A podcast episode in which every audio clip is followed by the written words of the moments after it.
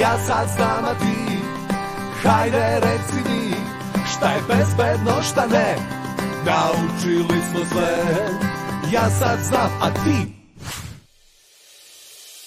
Da li ste čuli za mesečarenje?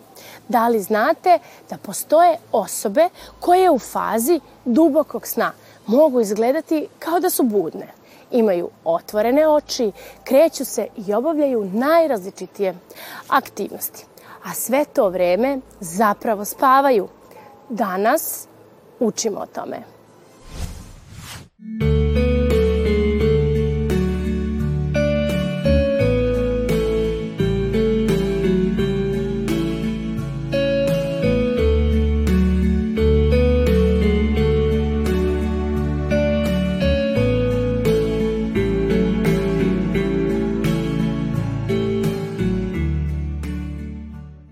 Koliko sna je potrebno školskoj deci?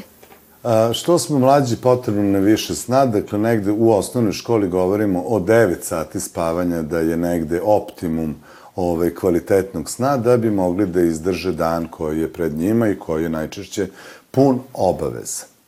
Šta je mesečarenje?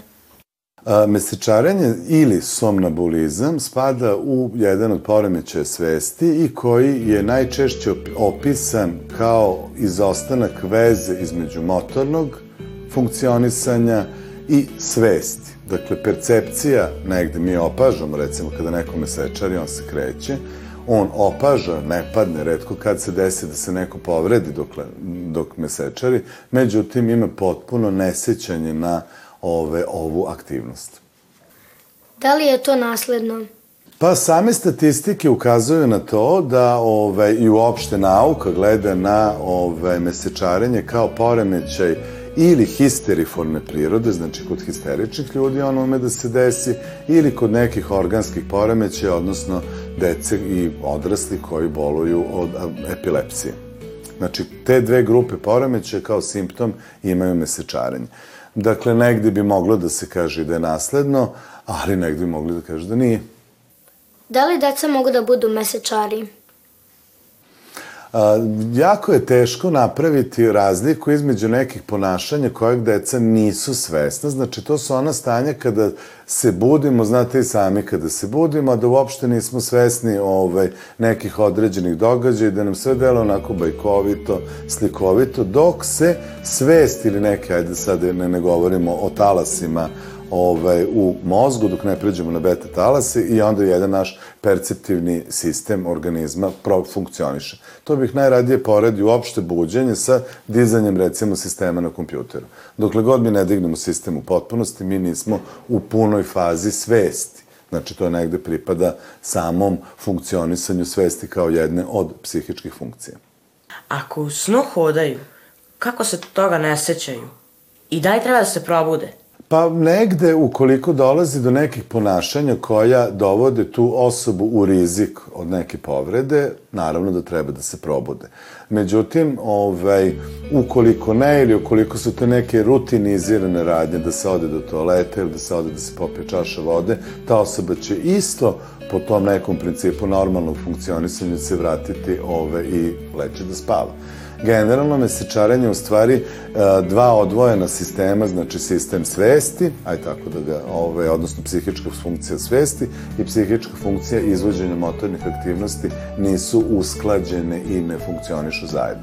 Dakle, motorni sistem i motorni centri su probuđeni, osoba funkcioniše u skladu sa nekim konkretno, najčešće nagonom, da li za ishranom, da li za reduktivnim potrebama i tako dalje, a da svest u potpunosti nije ovaj, probuđena.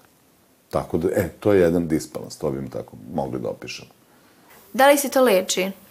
Pa najčešće ovaj, poremećaj ovog tipa nestaju sa negde 10. 11. 12. godinom, odnosno sa zrevanjem mozga i različitih centara koji se nalaze u kori mozga i oni počinju sinhrono da funkcionišu i onda ovakvih fenomena ovaj, imamo izrazito redko, sem, kao što sam već rekao, u, kod određenih poremeća, odnosno, aj sad histrionično nekog poremeća ličnosti, ne, nečim što ima veze sa starim nazivom historije, histerije, odnosno kod pacijenata koji boluju od neuro, neurološkog oboljenja, to je epilepsija.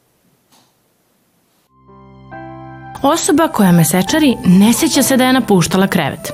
Obično su to kratke epizode od nekoliko minuta, mada mogu trajati i do 30 minuta. Nemojte buditi osobu koja mesečari, to bi moglo da je uplaši. Pokušajte polako i nežno da je vratite u krevet. Vrata od sobe, osobe koja mesečari, trebalo bi da budu zaključana, kako ne bi mogla da odluta i povredi se. Ne preporučuje se da ove osobe spavaju na krevetu na sprat. U sobi, a posebno u okolini kreveta, ne bi trebalo da se nalaze oštre i lomljive stvari. Važno je da prepreke po podu stana budu sklonjene kako bi se izbjeglo potencijalno spoticanje. U slučaju čestih epizoda i povređivanja pritom treba potražiti pomoć stručnjaka.